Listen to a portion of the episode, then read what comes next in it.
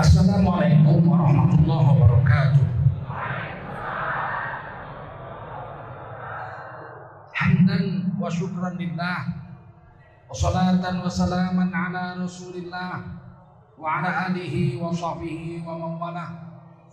Allahumma salli wa sallim ala hadha an-nabiyil karim sayyidina wa maulana Muhammadin wa ala alihi wa sahbihi ajma'in.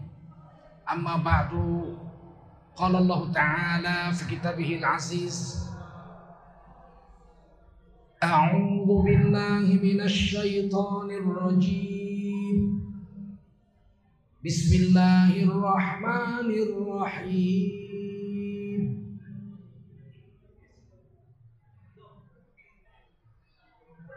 وتعاونوا على البر والتقوى ولا تعاونوا على الإثم والعدوان. واتقوا الله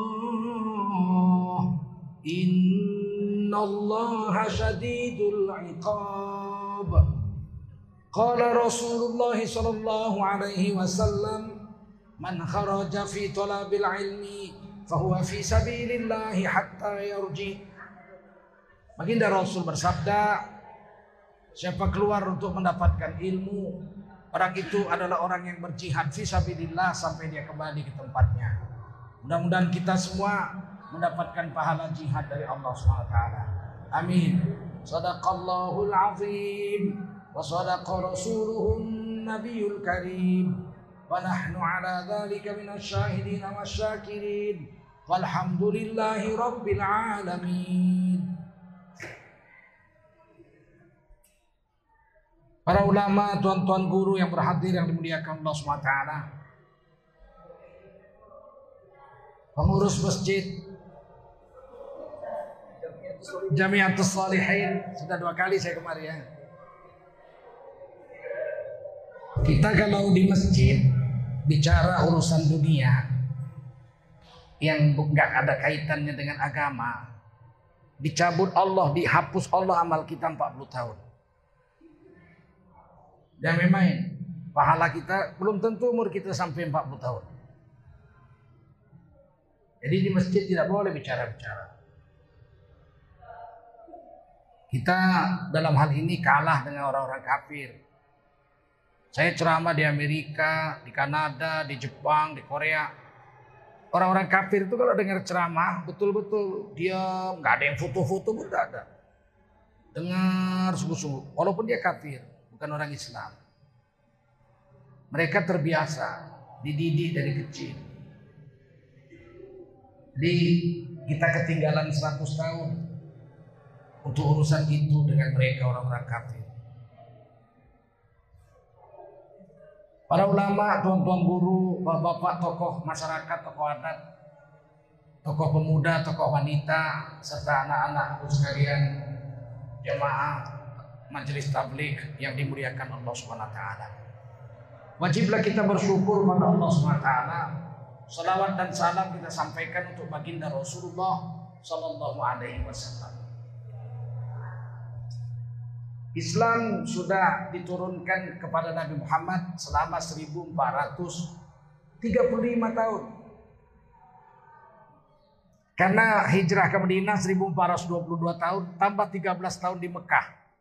Sudah 1435 tahun Islam ini diturunkan Allah kepada Nabi Muhammad Sallallahu Alaihi Wasallam sebagai pedoman hidup. Dan Islam itu sempurna. Ad-dinul Islam. Ad-din itu bukan agama artinya bukan. Bukan agama ad-din. Ad-din itu cara berpikir, cara bertindak, cara bersikap dan cara hidup. Itulah yang disebut ad-din. Diterjemahkan ke dalam bahasa Indonesia agama. Dulu waktu SD saya diajarkan agama itu berasal dari bahasa Sanskerta. A tidak tambah gama kacau. Agama tidak kacau. Tapi setelah saya kuliah jurusan linguistik, jurusan bahasa, ternyata keliru. Itu bukan asal bahasa Sanskerta. Agama itu berasal dari bahasa Arab. Iqamah. Iqamah artinya tegak lurus dengan aturan Allah dan Rasul. Tapi karena yang membawanya kemari orang Yaman, orang Hadramaut, mereka nggak bisa bilang kof.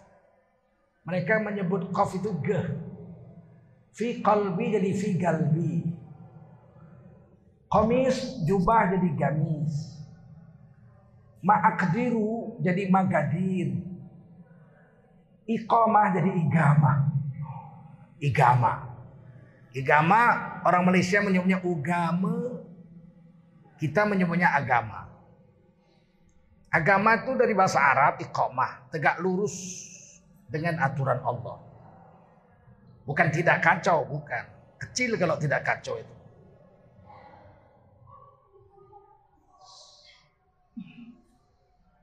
Seiring dengan perjalanan waktu, saya melihat 75 tahun merdeka, kepahaman tentang agama ini semakin dikendorkan, semakin dirusak.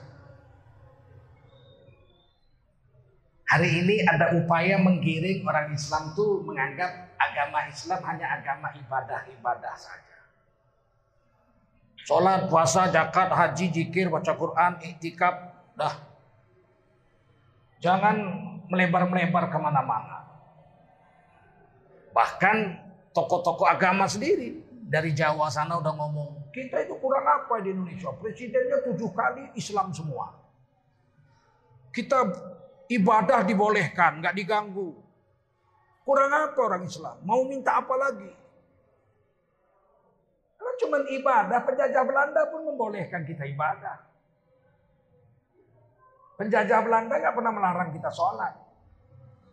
Bahkan penjajah Belanda bikinkan masjid mewah yang belum ada tandingannya di Medan. Masjid Raya Sultan Delhi itu. Itu penjajah Belanda yang bangun. Tanjung Pura, Masjid Azizi itu penjajah Belanda yang bangun. Belum ada imbangnya. Cantiknya, mahalnya bukan main.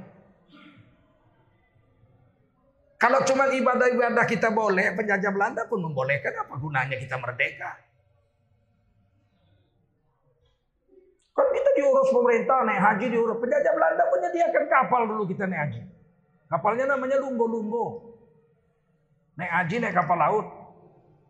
Disediakan sama penjajah Belanda naik haji. Murah bayarnya lagi. Kalau cuma sekedar ibadah. Tapi Islam bukan cara ibadah saja. Islam itu cara pandang, cara pikir, dan cara hidup. Cara makan, cara minum, cara tidur, cara berjualan. Cara sewa menyewa, pinjam meminjam, nikah, talak, rujuk, hukum pidana. Lengkap dalam Islam. Politik, hukum siasah, politik. Ada semua lengkap situ. Kalau cuma ibadah-ibadah aja, apa hebatnya Islam? Imam Syafi'i membagi syariat Islam dalam empat bagian. Pertama bab ibadah seperempat. Rubuh bahasa Arabnya. Dari mulai bab air sampai bab menguburkan mayat. Lengkap situ. Bab ibadah. Yang kedua bab muamalat. Bagaimana menyewa, beli, sewa beli, jual utang piutang, pinjam meminjam, gadai menggadai, semua ada di situ diatur. Lengkap. Mau jualan, ambil untung berapa yang boleh. Kalau makanan pokok haram lebih dari 100%. Ya tuh, itu namanya bab muamalah. Saya dagang beras. Beli beras modalnya 10 ribu. Terus saya jual 21 ribu. Haram. Tidak boleh. Kalau jual makanan pokok, ma paling besar untung 100%. Tidak boleh lebih. Dan kalau saya timbun, saya orang kaya nih, saya beli beras, saya bikinkan gudang besar, ditimbun, namanya ihtikar namanya, ihtikar. Saya timbun, setelah orang semua nggak punya beras, saya keluarkan, saya jual harganya tiga kali lipat. Orang mau tak mau beli karena mau makan. Haram hukumnya. Kena dua haram. Pertama saya menimbun makanan pokok, ihtikar haram hukumnya. Kedua saya jual lebih dari 100% keuntungan. Haram hukumnya.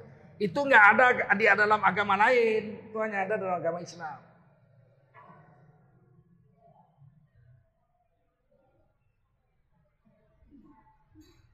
Kalau saya ambil untung dari berdagang, uangnya halal. Asal jangan tadi lebih dari 100% kalau makanan pokok. Tapi kalau saya ambil untung dari riba, hukumnya haram. Sama-sama ambil untung. Tapi wa ahallallahu al-bai'a. Allah menghalalkan mengambil untung dari jual beli.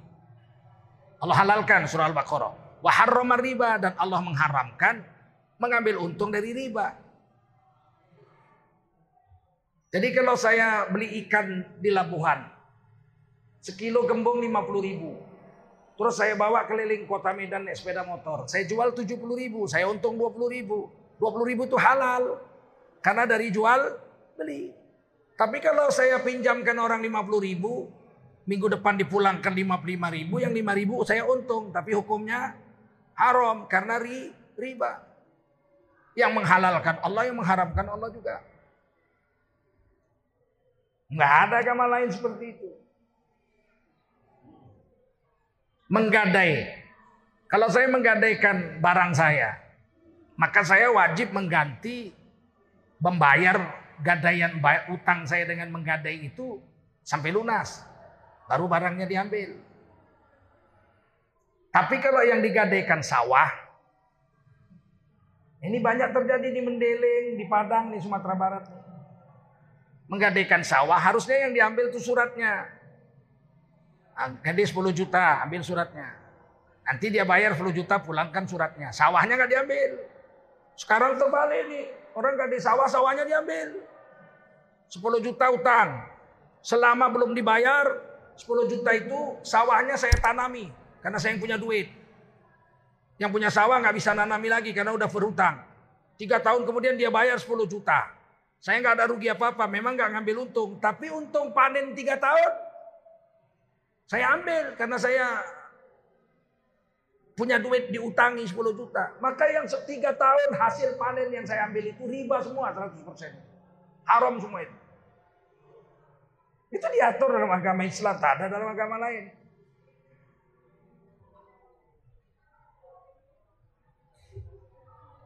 Baru nikah talak rujuk. Kita ada nikah. Niatnya seumur hidup. Tiba-tiba istri selingkuh. Kita ceraikan. Jadi ada nikah, ada cerai. Talak namanya. Atau udah nikah rupanya suaminya memukuli istrinya. Istrinya dipukuli nggak tahan. Ngadu sama hakim. Diceraikan hakim. Dua bulan kemudian suaminya nangis-nangis. Minta maaf laku. Tobat nggak akan kupukuli lagi kau. Boleh rujuk. Jadi ada nikah, ada talak, ada rujuk. Agama lain nggak ada. Agama lain ada nikah, ada cerai. Sesuatu yang sudah diikatkan oleh Allah tidak boleh dipisahkan oleh manusia. Tahankanlah bininya selingkuh, tahankanlah gitu. Oleh Islam ada nikah, ada talak, ada rujuk. Ada hukum jinayat, hukum pidana. Berzina, udah nikah berzina, dilempari batu sampai mati. Tanam badannya separuh, dilempari batu sampai mati. Namanya rajam. Kalau belum nikah jina, namanya zani. Kalau laki-lakinya, kalau perempuannya zaniah, dicambuk seratus kali diusir dari kampung. Ada hukum jinayat. Mencuri, ada bukti, ada saksi, tangkap, potong tangan. Berapa yang dipotong? Enggak asal mencuri potong, nyuri pisang goreng dipotong. Enggak. Kalau dia mencuri makanan, ditanya, kenapa kau mencuri makanan? Lapar kali aku pak. Maka dikasih makan. Dilepaskan kasih makan. Jangan mencuri lagi. Lain kali kalau nggak ada makanan ngomong. Datangi kepala desa, datangi najir masjid. Minta makan dari masjid. Uang infak itu salah satunya untuk dinafkahkan kepada fakir miskin. Ini kesalahan kita. Uang infak masjid cuma untuk bayar listrik, bayar air, honor ustad. Udah tuh nanti bikin lampu terang-terang, bikin menara, oh, bongkar dinding, ganti keramik. Bukan itu. Uang yang disedekahkan itu namanya nafkah. Nafkah itu artinya belanja. Infak. Dinafkahkan di jalan Allah. Karena nggak pakai ijab kabul itu berarti nafkah. Kalau pakai ijab kabul namanya wakaf. Apa namanya? Apa? Wakaf. Berhenti. Itu hanya untuk barang-barang yang mati. Tanah, dinding, keramik, dipasangin. Tapi kalau infak, bakul, jalan, Itu selain untuk keperluan masjid, bayar listrik, bayar air, bayar telepon, bayar khotib, bayar guru, bayar petugas kebersihan masjid, imam, muazin. Apalagi dinafkahkan di jalan Allah. Kalau ada orang kampung nih yang sakit nggak bisa berobat, nunggak BPJS-nya sejuta. Kata calon wali kota kemarin BPJS mau digratiskan kalau dia menang. Nggak percaya, aku bohong aja itu. Orang bapaknya aja naikkan besok nih mertuanya dinaikkan Januari naik ini.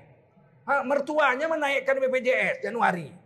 Ha, kelas 1 150 ribu, kelas 2 100 ribu. Apa pula menantunya berani menggratiskan bapak mertuanya menaikkan. Kalau nggak dikeplak kepalanya. Bonga aja bonga. Kalian bodoh percaya pula. Tunggulah pasti nggak akan terjadi.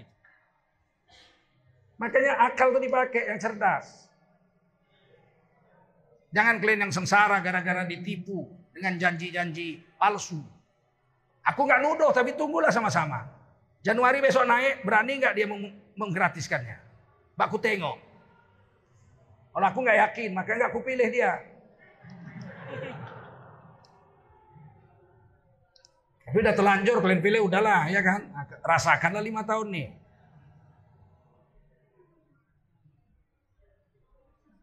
Saya udah baca Januari nanti BPJS naik kelas 1 150 ribu, kelas 2 100 ribu, kelas 3 35 ribu. Sudah diumumkan, sudah diputuskan presiden. Mau apa? Mau bantah? Mau nggak bayar? Nah, kalau dia nggak bayar satu juta, mau berobat nggak bisa, harus bayar, nggak ada duit, dia bisa diambil uang masjid. Uang infak itu boleh dikeluarkan, tulis di papan tulis untuk mengobati jemaah kita Bapak Sodikin. Satu juta rupiah bayar BPJS. Sekarang sudah dirawat dia. Bertanggung jawab itu najir masjid itu. BKM masjid. Menafkahkan uang infak untuk jalan agama. Fakir miskin jemaah kita kan boleh dibayar pakai uang masjid. Cuman nggak berani. Orang kehabisan ongkos. Tercopet, dicopet orang dia dompetnya datang dia, Pak aku ini orang Tanjung Bali Pak, mau pulang aku ke Tanjung Bali. Tapi habis barang semua dicopet, minta ongkos pulang Tanjung Bali, 100 ribu. Tulis 100 ribu untuk ongkos si Anu ke Tanjung Bali, kasih. Pulang. Bertanggung jawab gitu. Karena orang yang kehabisan ongkos itu, itu berhak diberi uang rakyat, uang umat Islam kepadanya untuk dia pulang ke, ke kampungnya. Ibnu Sabil namanya. Apa namanya? Yang kuat Ibnu Sabil. Jadi banyak dinafkahkan itu. Beberapa masjid karena kaya mereka bisa meminjamkan untuk usaha. Ada orang masjid nih jemaah masjid mau jualan nggak ada duitnya bikin gerobak misop 5 juta dibiayai masjid. Utang nah misop 5 juta jual misop pulangkan kepada masjid. Dua tahun misalnya dicicilnya. Tetap 5 juta nggak nambah. No pinjam meminjam dalam Islam nggak boleh nambah. Kalau nambah riba. Boleh pakai uang masjid. Di beberapa tempat begitu. Karena negara kita bukan negara Islam kita nggak punya baitul mal harusnya itu ditanggung negara baitul mal yang bayar dan itu ditulis di Undang-Undang Dasar 1945. Fakir miskin dan anak-anak terlantar dipelihara oleh negara. Kenyataannya apa? Datanglah kau ke kepala desa coba. Kepala desa, lapar kali aku udah dua hari nggak makan. Mintalah duit untuk makan aku sama anak istriku 200 ribu. Kepala tok kau kau kepala desa. Apa urusan kau sama aku katanya. Padahal kan jelas itu. Fakir miskin dan anak-anak terlantar dipelihara oleh negara. Dan negara jangan merasa berjasa. Saya sudah membagikan bansos. Bansos dibagi 3M, dicekek 17M. Bangga kau.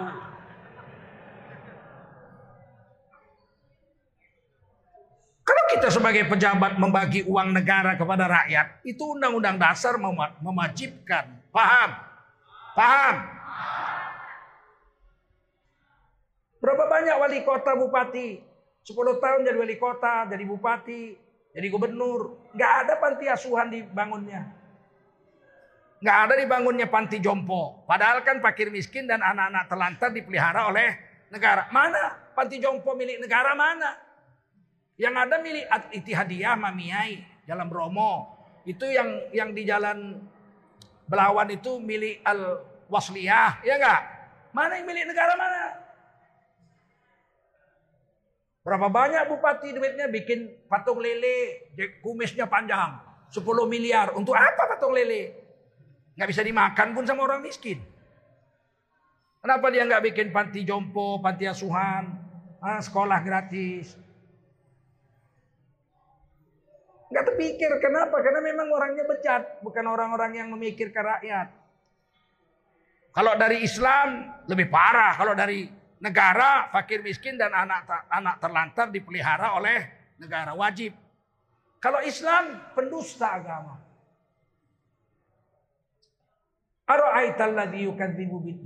Tahukah kamu siapa pendusta agama? Fadzalikal ladzi yad'ul yatim. Orang yang menolak mengurus anak yatim. Wala yahuddu ala ta'amil miskin. Menolak memberi makan orang miskin. Pendusta agama. Kalau di desa ini ada anak yatim, tidak makan di hari ini, lapar, sekampung ini dilaknat semua sama Allah. Mulai dari kiainya sampai gembel-gembelnya dilaknat semua sama Allah. Pendusta agama kau, kata Allah. Tidak boleh ada anak yatim lapar di desa ini.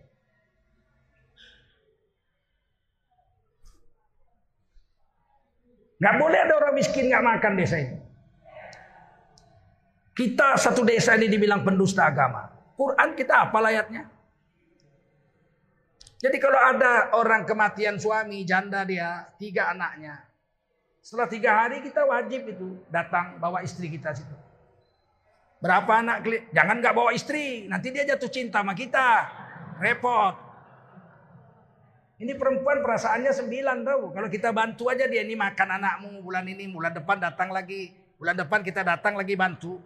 Pertama datang muka kita macam monyet. Memang jeleknya pula kita. Empat kali datang ganteng dilihatnya kita tahu. Karena perempuan itu pakai perasaan bukan pakai akal. Perempuan dia pakai perasaan. Walau macam monyet kita kalau sering ngasih duit sama dia cantik kita dibikinnya tahu. Datang bawa istri tanya kau berapa anakmu? Tiga. Masya Allah. Beginilah kami bukan orang kaya. Tapi anakmu itu yang tiga itu yang paling besar udah sekolah kelas apa? SMA ya. Anakmu yang SMA itu aku yang nanggung. Sekolahnya, makannya tiap bulan.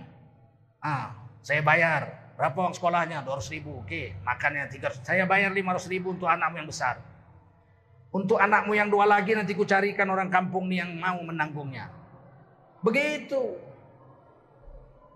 Sempat ibunya jadi pelacur. Cari makan nggak payah laki nggak ada dia jadi pelacur. Sekampung ini berdosa semua dilaknat Allah SWT. Pendusta agama. Ini tanggung jawab kita sebagai orang Islam dan Islam itu mengatur sampai di situ. Tak ada agama lain seperti itu. Kalau kita atur anak yatim itu kita biayai walau satu orang. Kata Nabi, ana wa kafilul yatim fil jannah hakada. Aku dengan orang yang ngurus anak yatim di surga begini. Bertetangga rumah sama Nabi. Surga itu ada delapan. Surganya Nabi-Nabi dan Rasul-Rasul surga paling tinggi namanya Firdaus. Kalau kita ngurus anak yatim, orang miskin, kita surganya Firdaus bersebelahan rumah sama Rasulullah SAW. Tapi kalau kita sia-siakan, kita pendusta agama. Mana ada agama sesempurna ini? Tak ada agama lain seperti ini.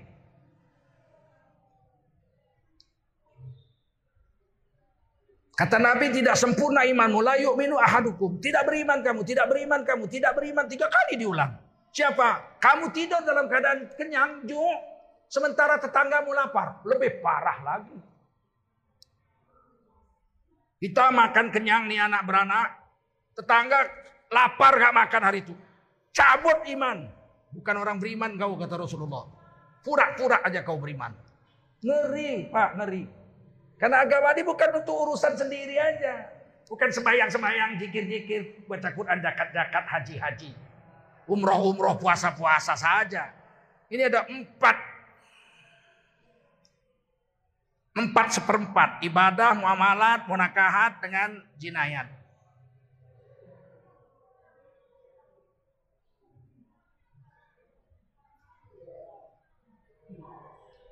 Kau memasak makanan yang harum baunya. Lezat rasanya. Bukan ikan asin. Ikan asin baunya tak sedap. Taunya orang ikan asin itu. Dikasih pun malas orang sekarang ya enggak. Kalau saya suka ikan asin. Ustaz Abdul Somad pun hobinya makan ikan asin itu. Makanya dia kurus. Adik angkat saya itu dari tamat SD sudah kenal saya. Jadi kalau kamu memasak makanan yang harum baunya, lezat rasanya, jangan biarkan tetanggamu melilit perutnya karena lapar. Paling tidak kau kirimlah ke samping. Walau sepotong.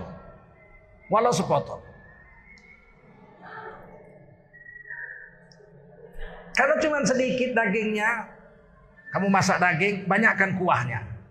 Kasih sepotong ke samping, kuahnya kasih dua piring. Berani nggak sekarang ngasih kuah sama orang? Karena kita kita ini malu mengamalkan agama.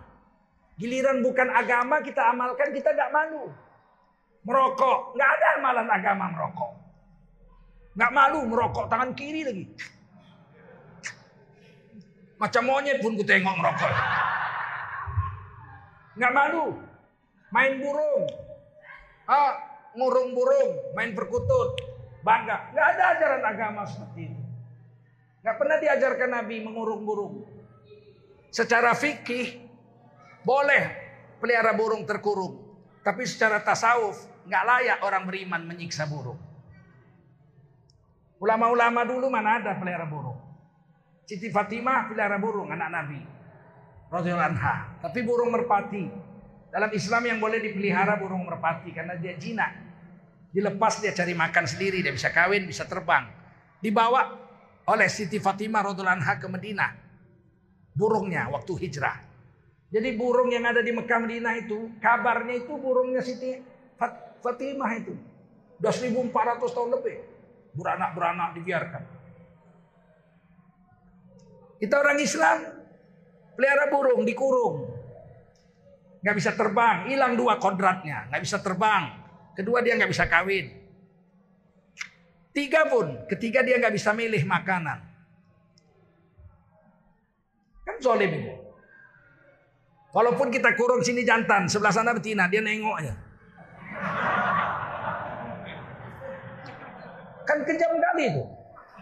Kita mau nggak dikurung nggak dikasih kawin? Mau? Kalau nggak loncat jendela kau cari bini. Kita nggak mau digituin, tapi burung kita begituin. Nggak bisa dia terbang. Dulu Elia Kadam menyanyikan lagu Burung dalam Sangkar. Untuk pelajaran bagi kita. Tapi kadang-kadang kita dengar nggak kita pikirkan isi syairnya. Hidupku ini oh sebagai burung hai. Mata terlepas badan terkurung. Disangkar emas tapi aku tak bebas hai. Ingin aku terbang di alam dunia. Betapa bahagia Kinilah aku dapat merasakan nikmat alam semesta. Kan senang burung tuh dilepas. Lepas besok yang piara-piara burung. Nggak bisa kalian mati husnul khotimah kalau kalian ngurung burung. Nggak bisa. Kalian menyiksa binatang seumur hidup. Dia nggak bisa terbang, dia nggak bisa kawin. Kita menjalankan yang tak diajari Nabi nggak malu. Giliran yang mengajak, diajarkan Nabi masak kari kambing, tercium tetangga, kasih sepotong, kuahnya dua piring, malu. Diajari Nabi malu. Yang disuruh Rasul nggak mau jalan. Giliran yang tak dibuat Nabi kita bangga membikinnya. Di masjid pun merokok. Gimana? Kita ngaku Islam. Yang mengamalkan kuah itu orang Padang. Saya dulu SMP sudah naik bus ke Jakarta. Kata bapak saya naik kapal terbang aja kau. Dua jam sampai. Ah nggak mau, saya mau jalan-jalan lihat Indonesia. Oh nasionalis saya nih. Dibilang radikal gundulnya itu radikal. Kata bapak saya udah naik kapal laut aja dua hari sampai. Nggak mau saya mau naik bus. Bayangkan susahnya naik bus ke Jakarta zaman itu 14 hari. Baru sampai lewat naik rakit, naik rakit. Oh nggak ada makanan. Mana ada orang jual aqua dulu, mana ada orang jual-jual makanan begitu. Kalau makan ya pasti warung lah. Apa yang terjadi? Saya banyak uang dikasih bapak saya, mama saya. Makan. Saya duduk aja gitu. Mahal itu. Bisa 5-6 kali lipat dari warung biasa itu. Karena supirnya dapat untung dari makan kita juga dia. Dicekeknya juga kita di jalan itu. Orang-orang bawa nasi. Dipadatkan, dibungkus pakai daun pisang. Bawa piring, kaleng. Dia taruh gitu, dia jumpa sama yang jual itu. Minta kuah pak. Oh kuah di belakang. Ku tengok di belakang. Seember kuah tuh. Enak juga makan nasi pakai kuah. Kelapa ya nggak santan. Gratis kuah. Restoran Padang dulu seluruh Indonesia kuah gratis. Dulu tapi sekarang bayar. Dia pun pandai juga cari duit sekarang. Itu mengamalkan sunnah Rasul. Kuah dibanyakkan untuk orang-orang yang miskin. Tapi sekarang mana lagi orang bikin agama? Ada lagi bikin. Nah ketika agama sekarang mau disempitkan. Menteri Agama yang baru mengatakan agama hanya boleh sebagai inspirasi.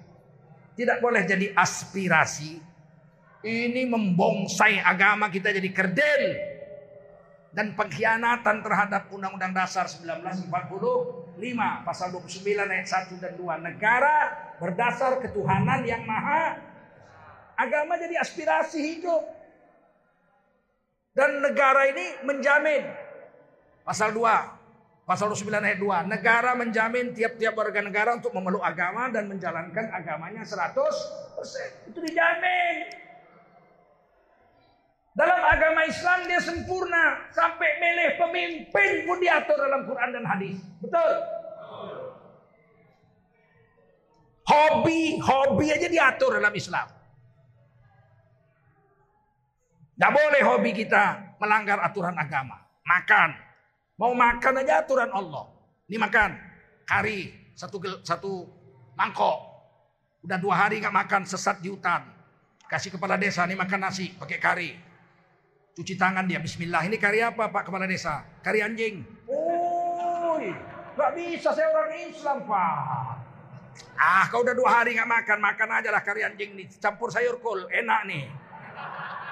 Nggak bisa. Saya ini hidup karena Allah. Paham? Lillahi Rabbil. Ikut aturan Allah. Lebih baik saya makan nasi pakai garam aja atau pakai kecap. Nggak mau saya pakai kari anjing walaupun enak. Itu orang Islam cara hidupnya begitu. Ukurannya Allah. Tak ada yang lain. Kalau makan aja ukurannya Allah minum pun begitu. Ini apa ini? Teh. Ah, minum bismillah. Ini apa ini? Kencing. Tak. Ini kencing gadis paling cantik ini di Marelan nih. Tak peduli aku. Haram. Paham? Kita itu ukurannya Allah. Rasul itu orang Islam. Makan, minum, pakai baju. Ini baju ini kalau saya pakai, marah nggak Allah sama Rasul? Begitu. Oh marah Allah karena celana pendek, paha aurat. Jangan pakai. Dulu zaman saya masih muda kecil-kecil, tak ada laki-laki pakai celana pendek. Payah cari celana zaman itu. Payah. Ada satu orang pengarang puisi, Saking marahnya dia miskin negeri ini waktu itu. Bung Karno 20 tahun jadi presiden. Apa dibilangnya? Sudah 20 tahun merdeka. Tapi aku masih belum punya celana. Itu puisi. Zaman Orde Lama itu. Sengsaranya bukan main. Baju nggak ada. Dibikinlah oleh Soekarno Menteri ke-100. Menteri Berdikari, berdiri atas kaki sendiri. Dari Medan, TD Pardede. Dibikinlah Pardede Teks, Pardede Tekstil. Kaos. Sekali cuci, 2 meter panjangnya.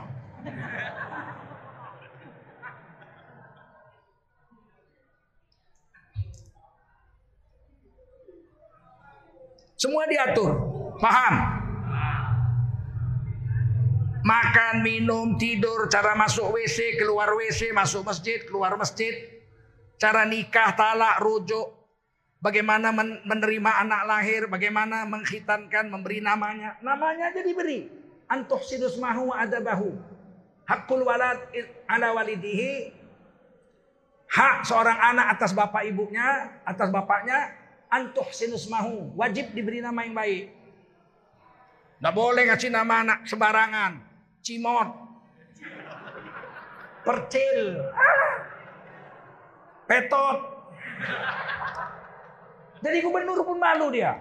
Hadirin sekalian, berikut ini kata sambutan dari Gubernur Sumatera Utara, Profesor Doktor Insinyur Haji Petot. Sedap naiknya. Tidak ada agama sehebat ini. William Shakespeare, ahli syair dari Inggris abad pertengahan, mengatakan what is a name? Apalah arti sebuah nama? Oh, Islam tidak begitu. Islam mengatakan nama itu sangat berarti. Beri nama anakmu yang baik. Karena nanti di surga orang mau masuk surga dipanggil dengan namanya. Paham? Paham? Satu hari datang orang jumpa Rasul, ditanya Rasul, Man anta, namamu siapa? Huzun. Namaku duka cita ya Rasul. Tidak, lah. Bal anta sa'adah. Tetapi kamu adalah orang yang berbahagia. Diganti Nabi langsung nama. Saya nama saya Zulkarnain, saya tuh nggak perlu ditukar, bagus. Zulkarnain, nama Nabi. Walaupun artinya bertanduk dua. Tak ada tandukku, tak ada. Karena dulu tentaranya Zulkarnain itu pakai topi perang, topinya itu ada tanduknya dua. Maka Zulkarnain orang yang bertanduk dua. Gelarnya Iskandar itu, Alexander. Orang yang agung. Nggak saya tukar nama saya. Kalau nama saya dikasih bapak saya Bonyot, ku gantilah. Mana mau aku namaku Bonyot. Paham? Itu diatur dalam Islam. Mana ada agama lain ngatur-ngatur itu? Tak ada itu. Maka kita hidup ad-dinul Islam dengan cara hidup agama Islam. Sampai mati pun cara agama Islam, tak boleh yang lain. Sudah mati pun masih bawa agama. Nah, itu istimewanya Islam. Agama lain mana ada begitu. Mau mati kita sakaratul maut, kata Nabi, lakinu mautakum la ilaha illallah. Ajarkan, talkinkan la ilaha illallah di kuping orang yang hampir mati di antara kamu. Ini arti kiasan ini. Orang yang hampir mati di antara kamu itu arti kiasan. Arti aslinya Lakinu mautakum la ilaha illallah. Ajarkan la ilaha illallah kepada orang yang sudah mati di antara kamu. Sudah mati. Mauta itu fil mati, sudah mati. Bukan yang sedang mau mati. Ini diartikan aja apa namanya. Dikiaskan orang yang sudah mati menjadi orang yang hampir mati. Artinya yang sudah mati. Makanya di dalam madhab syafi'i. Orang sudah mati ditalkinkan. Kalau datang dua malaikat kepadamu. Bertanya kepadamu. Siapa Tuhanmu? Jawab. Allahu Rabbi. Paham? Karena hadisnya yang diajari itu orang yang sudah mati. Bukan orang yang mau mati. Apakah orang yang sudah mati masih mendengar dalam kubur? Tanya dulu, hei, orang yang sudah mati dalam kubur masih bisa mendengar apa enggak? Jawab yang kuat, bisa atau tidak? Yang bilang bisa coba, bisa bilang. Yang bilang tidak coba. Bisa. Orang yang sudah mati bisa mendengar. Bahkan lebih terang daripada kita. Buktinya mana? Buktinya hadis Bukhari Muslim Rasulullah mengajarkan kepada kita. Kalau kita datang ke kuburan, kita ucapkan assalamualaikum ya ahlal kubur minal muslimin wal muslimat fa insyaallahu bikum lalahikun. Assalamualaikum hei ahli kubur. yang ada di kuburan ini. Satu hari nanti kami akan menyusul kamu ke situ. Dia jawab nggak salam itu? Dijawabnya lah. Kalau enggak untuk apa Nabi suruh kasih salam? Nabi nggak suruh kasih salam sama batu. Assalamualaikum batu. Assalamualaikum pohon kayu. Nah. Kenapa sama orang mati Assalamualaikum ya ahlal kubur minal muslimin muslimah. Kenapa? Karena dia dengar. Dia jawab nggak? Jawab kata Nabi dijawab. Cuman jawabannya tidak diperdengarkan Allah kepadamu. Kalau dengar? Oh, loncat pagar apa? Sempat kita assalamualaikum ya ahlal kubur minal muslimin awal muslimat. Fa Allah bikum lalahiku. Dia jawab. Waalaikumsalam. Kalau enggak tunggang langgang awak lari. Ustadz aja lari apalagi preman. Itu diajarkan. Bahwa agama mau mati. Kenapa? Kalimatnya orang sudah mati. Tapi diamalkan dua-dua. Orang yang mau mati ditalkinkan, orang yang sudah mati ditalkinkan. Kenapa? Karena orang yang mau mati dalam Islam sedang digoda iblis untuk mati murtad dari Islam. Ketika sakaratul maut kata Rasulullah orang akan merasakan haus sehingga tujuh samudra diisapnya belum hilang hausnya saking pahitnya mulutnya. Saking hausnya. Tidak ada haus melebihi sakaratul maut.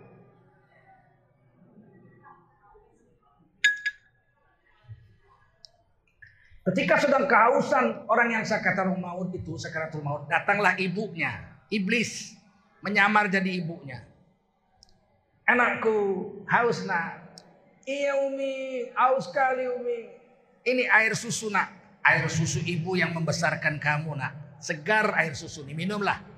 Kasih segelas, diambil. Mau diminum tunggu dulu. Jangan kau minum dulu. Sebelum minum ini, Ucapkanlah Uzair anak Allah. Matilah dengan cara Yahudi nak.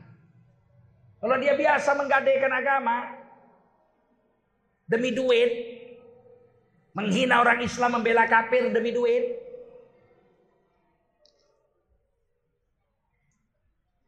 memusuhi orang Islam, bela-bela kafir demi duit, pasti dia gadaikan agama. Dia bilang Uzair anak Tuhan, dia minum, maka matilah dalam keadaan Yahudi, murtad dari Islam. Ketawalah setan, iblis. Datang bapak kita, haus kau nak? Haus pak. Ini madu nak, campur es. Lezat ini, minumlah. Mau diminum, tunggu dulu. Katakanlah Yesus anak Tuhan. Matilah dengan agama Nasrani nak. Kalau dia biasa menggadaikan agama, nggak bersusah payah untuk agama ini, dia ucapkan aja tiada Tuhan selain Yesus. Dia pun mati dalam keadaan kafir. Tapi orang yang biasa bersusah payah membela agama, tak akan itu. Matilah dengan cara Nasrani nak ucapkan tiada Tuhan selain Yesus Kristus. Dia bilang mahal kali pak.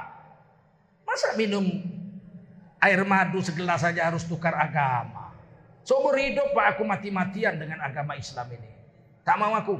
Maka dibanting iblislah minuman tadi dia pun lari terbirit-birit, tumbuh tanduk dan ekornya keluar. Dan bentuk aslinya keluar. Taulah yang mau mati ini, ini iblis. Oleh karena itulah kita ditekankan dalam mazhab syafi'i menunggu orang yang hampir mati sakaratul maut. Sunat hukumnya mentalkinkannya. Dan boleh meninggalkan sholat Jumat bagi laki-laki untuk mentalkinkan saudaranya yang sakaratul maut di rumah sakit atau di rumah. Boleh sholat zuhur aja. Kenapa saking pentingnya mengantarkan orang mati dalam keadaan husnul khotimah. Saking pentingnya. Dalam mazhab syafi'i dibolehkan. Delapan uzur salah satunya adalah mengantarkan talqin la ilaha illallah kepada orang yang sakaratul. Jangan main-main. Ya Allah ya Basir Ya Sami'u ya Alim Ya Hayyu ya Qayyum Birahmatika astaghith